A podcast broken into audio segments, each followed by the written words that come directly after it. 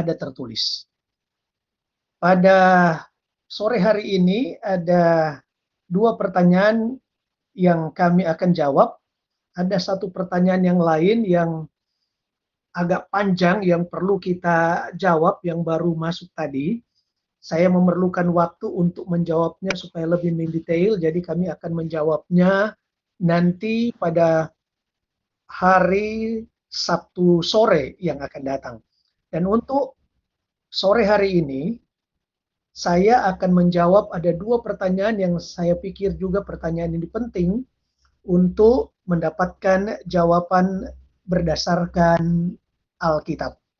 Sebelumnya, mari kita berdoa sejenak untuk meminta kuasa Roh Kudus menolong kita untuk memahami apa kehendak Tuhan melalui hmm. firman-Nya. Mari kita tunduk kepala dan kita berdoa. Bapa di sorga, kami kembali mau belajar firman-Mu dalam ruang pertanyaan ada tertulis kami percaya bahwa Roh Kudus akan menolong kami kosongkan hati dan pikiran kami supaya benar-benar kami dapat mengerti apa maksud Tuhan melalui pertanyaan-pertanyaan dalam firman-Mu ini.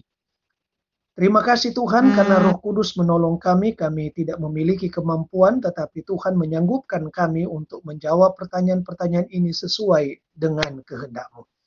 Terima kasih. Kami serahkan semua di dalam tangan kasih-Mu, karena kami berdoa di dalam nama Yesus, Juru Selamat kami.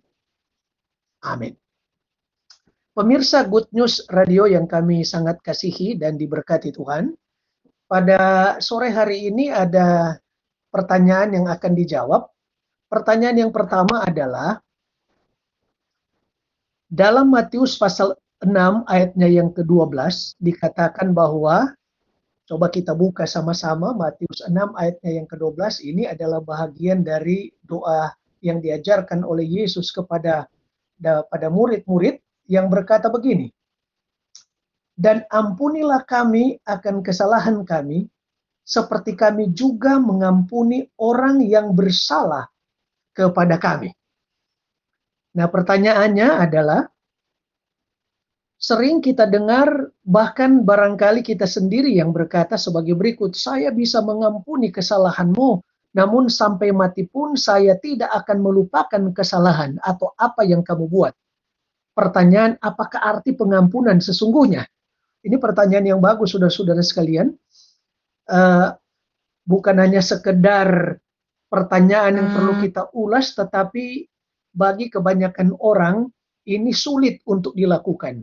Dan mungkin saja di antara kita para pemirsa yang mengatakan kata-kata seperti ini, ya saya ampuni, tapi saya tidak akan pernah melupakan apa yang engkau perbuat kepada saya.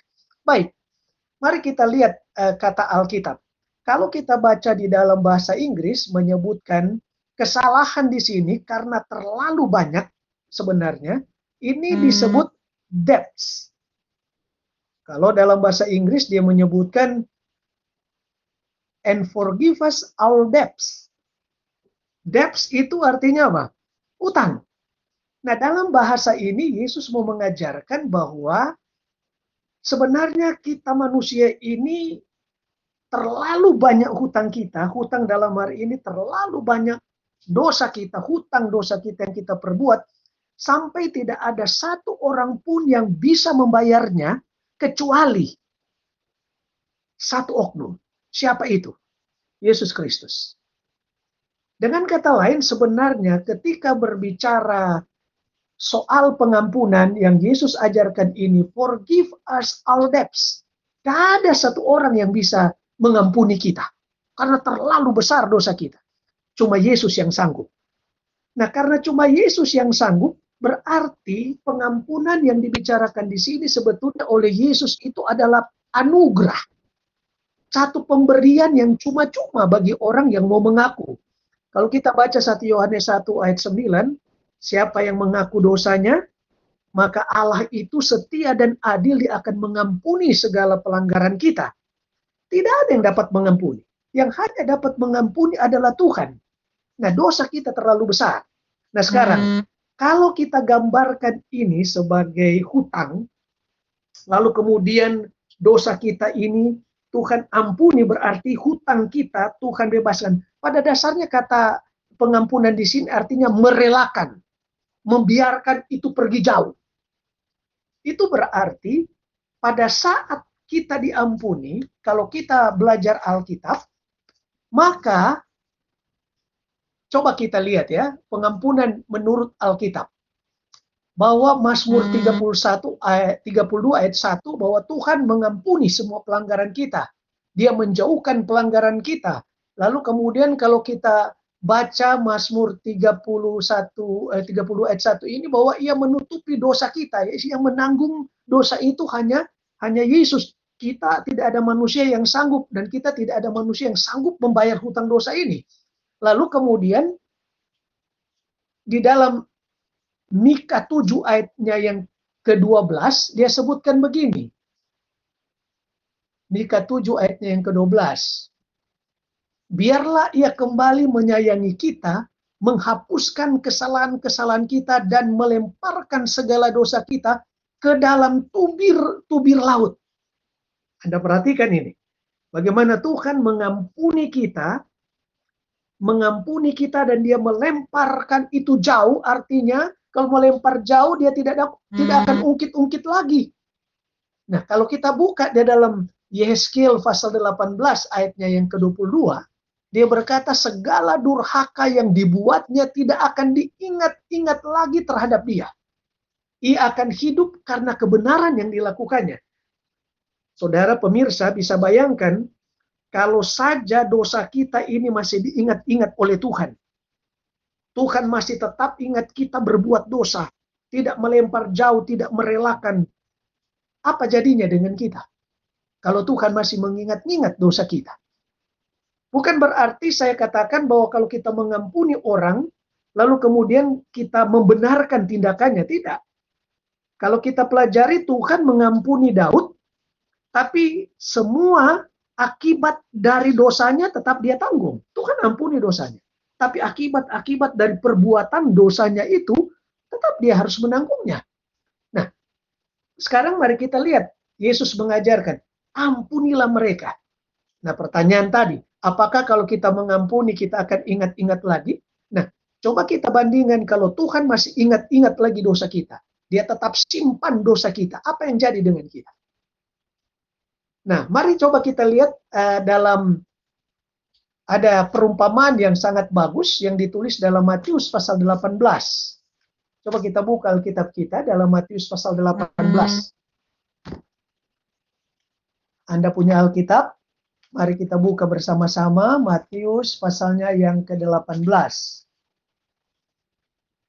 Dalam Matius ke-18 mulai ayat 21 sampai ayatnya yang ke-35 ini berbicara tentang perumpamaan seorang yang berhutang. Seorang yang berhutang disebutkan di dalam ayat ini ayat 23 hmm. sebab hal kerajaan sorga seumpama seorang raja yang hendak mengadakan perhitungan dengan hamba-hambanya. Setelah ia mulai mengadakan perhitungan di hadapannya dihadapkanlah kepadanya seorang yang berhutang 10 ribu talenta. Ini 10 ribu talenta ini besar sekali besar sekali 10 ribu talenta. Tetapi karena orang itu tidak mampu melunaskan hutangnya, raja itu memerintahkan supaya ia dijual beserta anak dan istrinya dan segala miliknya. Maka sujudlah hamba itu dan menyembah dia, katanya, biarlah dahulu segala hutangku akan ku lunaskan. Lalu tergeraklah hati raja itu oleh belas kasihan akan hamba itu sehingga ia membebaskannya dari menghapus hutangnya. Jadi dia berhutang begitu besar, tapi kemudian karena jatuh belas kasihan, Tuhan ini sebenarnya adalah gambaran Yesus Kristus. Bagaimana dia hmm. kemudian membebaskan dan menghapuskan hutang dari orang yang tidak bisa membayar ini. Ini gambaran kita sebenarnya tidak bisa membayar hutang dosa kita. Demikian juga orang-orang Yahudi tidak bisa. Lalu kemudian pada waktu orang ini sudah bebas, Coba Anda lihat ayatnya yang ke-28. Tetapi ketika hamba itu keluar, ia bertemu dengan seorang hamba lain yang berhutang 100 dinar kepadanya. Nah 100 dinar itu kecil sekali. Nah kalau orang dulu bekerja, satu hari satu dinar. Berarti kalau 100 dinar dibandingkan dengan eh, sepuluh ribu talenta, wah itu jauh sekali bedanya. Tapi coba perhatikan ini. Maka pada waktu dia ketemu dengan orang lain yang berhutang kepadanya itu 100 dinar, ia menangkap dan mencekik kawannya itu, katanya, bayar hutangmu. Maka sujudlah kawannya itu dan memohon kepadanya, sabarlah dahulu hutangku itu akan kulunaskan. Tetapi ia menolak dan menyerahkan kawannya itu ke dalam penjara sampai dilunaskannya hutang-hutangnya. Bayangkan, dia diampuni atau hutang-hutangnya yang 10.000 talenta, dia dibebaskan dari hutang itu. Tetapi ketika dia ketemu dengan orang yang berhutang kepadanya hanya hanya berapa dinar, 100 dinar, maka dia mencekik orang itu lalu membawanya dia ke dalam hmm. ke dalam penjara. Melihat itu kawan-kawan yang lain sangat sedih lalu menyampaikan segala yang terjadi kepada tuan mereka. Raja itu menyuruh memanggil orang itu dan berkata kepadanya, Hai hamba yang jahat, seluruh hutangmu telah kuhapuskan karena engkau memohonkannya kepadaku. Bukankah engkau pun harus mengasihi kawanmu seperti aku telah mengasihi hmm. engkau? Perhatikan kata-kata ini. Dikaitkan dengan ampunilah kami seperti kami telah mengampuni orang yang bersalah kepada kami. Nah, bagaimana kita mengharapkan pengampunan dari Tuhan, kita diampuni sementara kita tidak mengampuni orang lain. Ironis bukan? Kita dibebaskan, dosa-dosa kita dilupakan oleh Tuhan, dia dia membuang, mengampuni kita dengan membuang segala dosa kita seperti tubir, tubir yang dalam, lalu dia tidak mengingat-ingat lagi pelanggaran dan durhaka kita, tapi kepada orang lain yang yang punya kesalahan kepada kita, kita tidak mau mengampuni. Nah, coba lihat apa kata dari Tuhan itu. Maka marahlah tuannya itu dan menyerahkannya kepada Algojo-Algojo sampai ia melunasi seluruh hutangnya. Ayat 35 ini penting. Maka Bapakku yang di sorga akan berbuat demikian juga terhadap kamu apabila kamu masing-masing tidak mengampuni saudaramu dengan segenap hatimu. Jadi pertanyaan ini, apakah kita boleh ingat-ingat lagi? Alkitab mengajarkan kalau kita ampuni, jangan ingat-ingat lagi. Karena kalau kita masih mengingat-ingat lagi berarti kita tidak tulus mengampuni orang itu. Dan kalau kita tidak tulus mengampuni seseorang, maka Alkitab katakan, Bapakku yang di sorga akan berbuat demikian juga terhadap kamu apabila kamu masing-masing tidak mengampuni hmm. saudaramu dengan segenap hatimu. Itu perumpamaan berbicara demikian. Jadi saudara-saudara yang dikasihi Tuhan, pemirsa yang diberkati, pengampunan ini adalah pengajaran yang begitu dalam yang diajarkan oleh Kristus kepada kita. Hmm. Kalau Yesus mau mengampuni dosa kita yang begitu besar, dan dia tidak pernah mengingat-ingat lagi. Bagaimana mungkin saya sebagai manusia yang berdosa, kita mengingat-ingat lagi kesalahan orang yang telah ia perbuat kepada kita, berarti kita tidak tulus memaafkan dia. Nah, saudara-saudaraku, Yesus mau mengajarkan kepada kita prinsip ini. Bahwa dengan cinta kasih yang tulus, maka kita akan mengampuni. Kenapa Yesus mengampuni kita? Karena dia sangat mengasihi kita. Jadi kalau kita masih ingat-ingat kesalahan orang itu yang kita sudah maafkan, kita sudah ampuni, maka berarti kita tidak tulus di dalam memberi pengampunan kepada orang itu. Dan Tuhan juga tidak akan mengampuni kita jikalau kita tidak mengampuni orang lain yang bersalah kepada kita dengan tulus. Nah, pemirsa, saya pikir ini yang dapat hmm. kami sampaikan supaya menjadi kekuatan rohani kepada kita, supaya dalam hidup kita, kita senantiasa mau dan dengan tulus mengampuni apa pun kesalahan orang itu kepada kepada saya. Nah, pertanyaan kita, berapa kali saya harus mengampuni ya Tuhan? Itu kan pertanyaan kita. Apakah tiap kali dia datang kepada saya, saya harus mengampuni hmm. dia?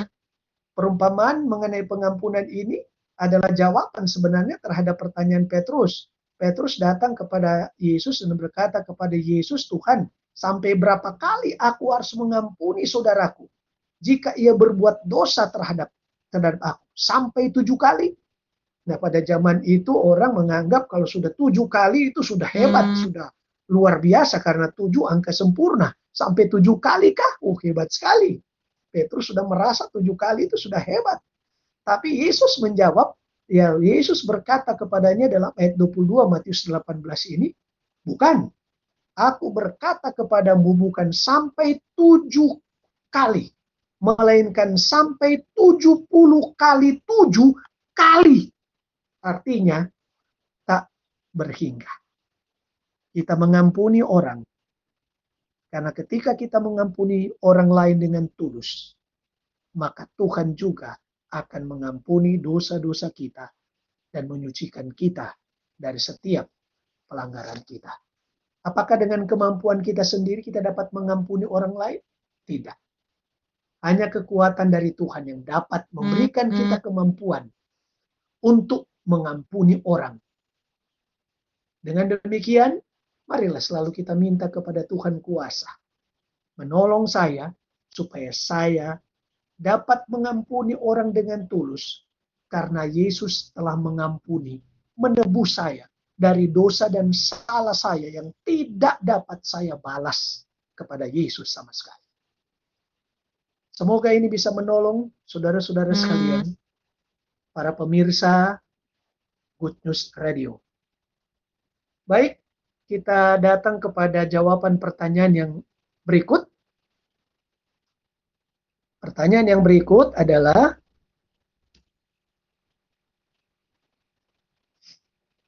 dalam bilangan 28 ayatnya yang ketujuh, mari kita buka sama-sama bilangan 28 ayatnya yang ketujuh.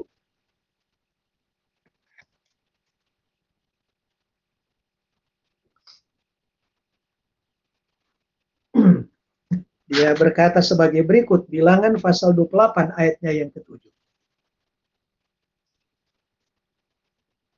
Dia berkata begini, Dan korban curahannya ialah seperempat hin untuk setiap domba, curahkanlah minuman yang membabukkan sebagai korban curahan bagi Tuhan di tempat kudus. Nah, pertanyaannya adalah curahan yang memabukkan itu apa maksudnya? Apakah dapat dipersembahkan sesuatu? Uh, apakah ini anggur yang mengandung hmm. alkohol yang sangat dalam, yang sangat tinggi dan memabukkan? Apakah itu dipakai untuk sebagai korban curahan bagi Tuhan di tempat kudus? Baik, mari kita lihat. Coba kita lihat dalam bahasa Inggris. Dia sebutkan begini ayatnya yang ketujuh. And its drink offering shall be one fourth of a hin for each lamb. In holy place you shall pour out the strong. Dia bilang strong drink. Kalau di terjemahan lain dia mengatakan hanya pour out the drink hmm. to the Lord as an offering. Jadi tidak ada lagi tidak ada lagi kata strong, hanya ada drink atau minuman. Minuman kepada Allah sebagai persembahan. Nah, orang mener menerjemahkannya itu sebagai minuman yang memabukkan. Curahkanlah minuman yang memabukkan sebagai korban curahan bagi Tuhan. Nah, sekarang mari kita lihat. Sebenarnya apa yang dimaksud dengan kata yang diterjemahkan dalam bahasa Indonesia, atau dalam bahasa Inggris yang dibilang strong drink atau disebut sebagai minuman yang keras. Tapi keras bagaimana? Apakah memabukkan?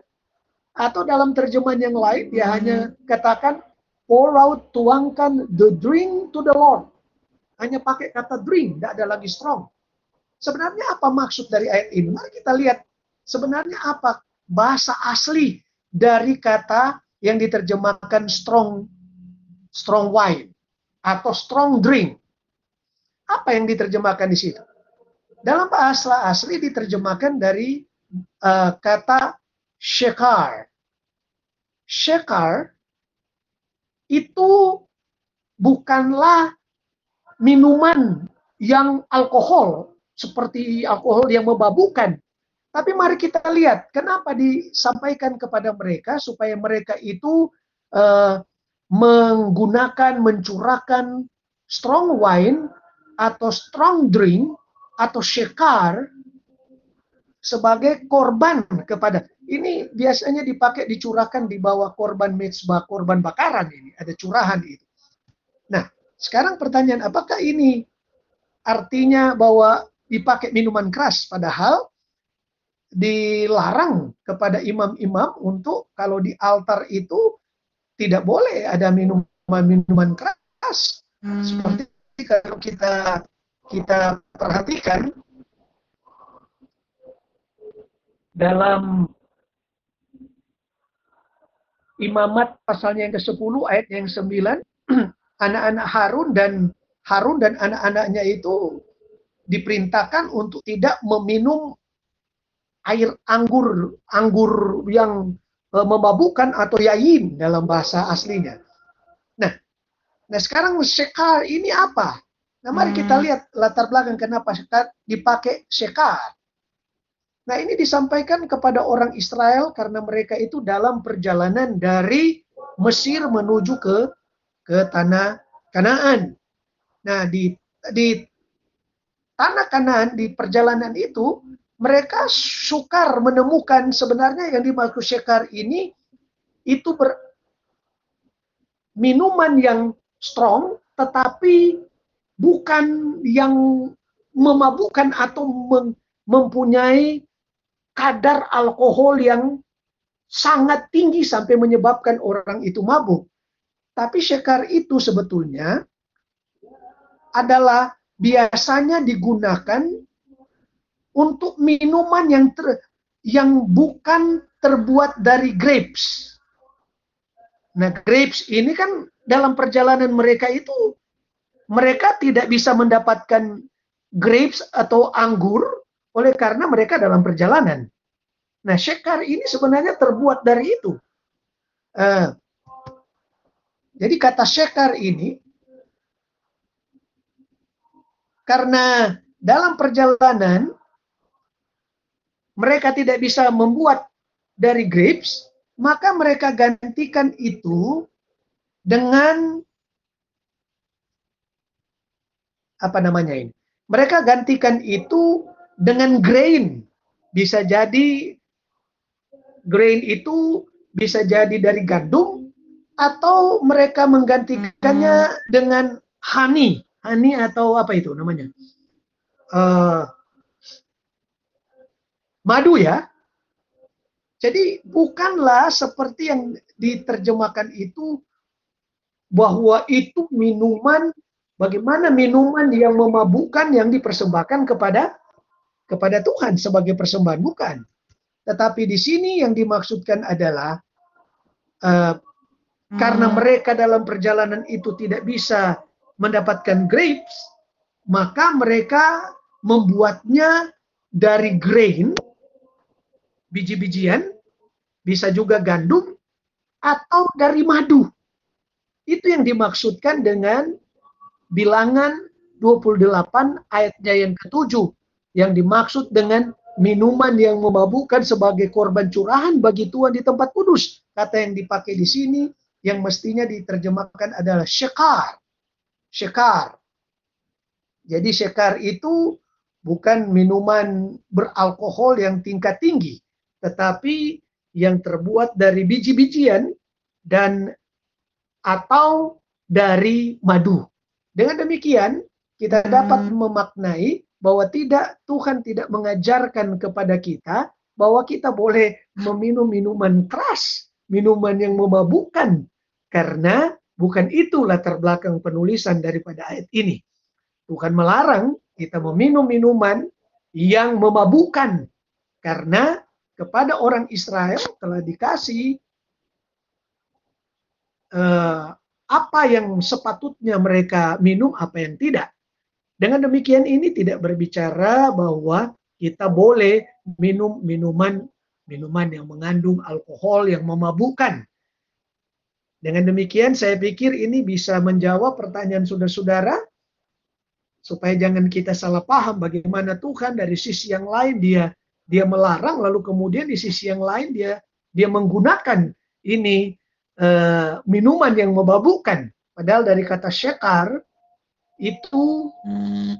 keras tetapi tidak apa tidak memabukkan karena terbuat dari grain dan honey atau honey madu atau biji-bijian saya pikir itu yang dapat kami sampaikan kepada para pemirsa pada pertanyaan sore hari ini.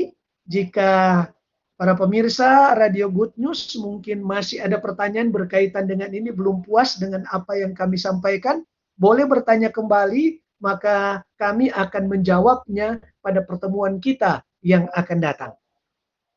Baik, hanya itu yang dapat kami jelaskan dari pertanyaan ini. Ada pertanyaan tetapi jawabannya panjang, nanti kami jawab, kami butuh waktu untuk mempersiapkannya karena baru masuk tadi sehingga nanti kami jawab pada hari Sabtu sore yang akan datang yang berkaitan dengan uh, masalah akhir zaman, zaman akhir menjelang kedatangan Yesus. Semoga jawaban kami ini bermanfaat bagi saudara-saudara sekalian dan dengan tuntunan kuasa Roh Kudus kita dapat memahami lebih lanjut apa arti dari setiap uh, firman yang kita baca melalui Alkitab ini. Semoga ini bisa menolong dan kiranya Tuhan memberkati hmm. kita dan kami tunggu lagi pertanyaan-pertanyaan para pemirsa yang lain yang dapat kami jawab melalui Alkitab dan kiranya ini bisa menolong saudara-saudara. Kami tidak mungkin menjawab dengan kemampuan kami sendiri, tetapi kita dasarkan semua jawaban ini pada Alkitab dengan pemahaman yang benar supaya kita tidak mudah keliru dalam membaca Alkitab. Terima kasih saudara-saudara, para pemirsa sekalian atas pertanyaan-pertanyaan yang telah disampaikan kepada kami. Sebelum kita akhiri, sebelum kita akhiri, mari kita tunduk kepala sejenak dan uh, kita berdoa. Bapa kami di sorga, terima kasih oleh karena Tuhan telah menuntun kami dalam menjawab pertanyaan yang ditanyakan oleh para pemirsa melalui acara ada tertulis. Mungkin apa yang kami sampaikan ini tidak lengkap seperti yang hmm. diharapkan, tidak sempurna, tetapi kami menyadari juga akan kekurangan kami, tapi kami terus memohon kuasa Roh Kudus untuk menolong kami masing-masing termasuk para pemirsa yang mendengarkan radio Good News ini agar curahan kuasa Roh Kudus yang sama dapat dianugerahkan kepada masing-masing mereka agar ketika membaca Alkitab dan ada hmm. pertanyaan-pertanyaan dapat dijawab oleh karena tuntunan kuasamu. Terima kasih Bapa atas berkatmu kami syukuri. Terpujilah nama Tuhan karena kami berdoa hanya di dalam nama Tuhan Yesus Kristus Juru Selamat kami. Amin. Tuhan kiranya memberkati kita sekalian para pemirsa Good News sampai kita bertemu lagi pada hari Sabtu sore yang akan datang.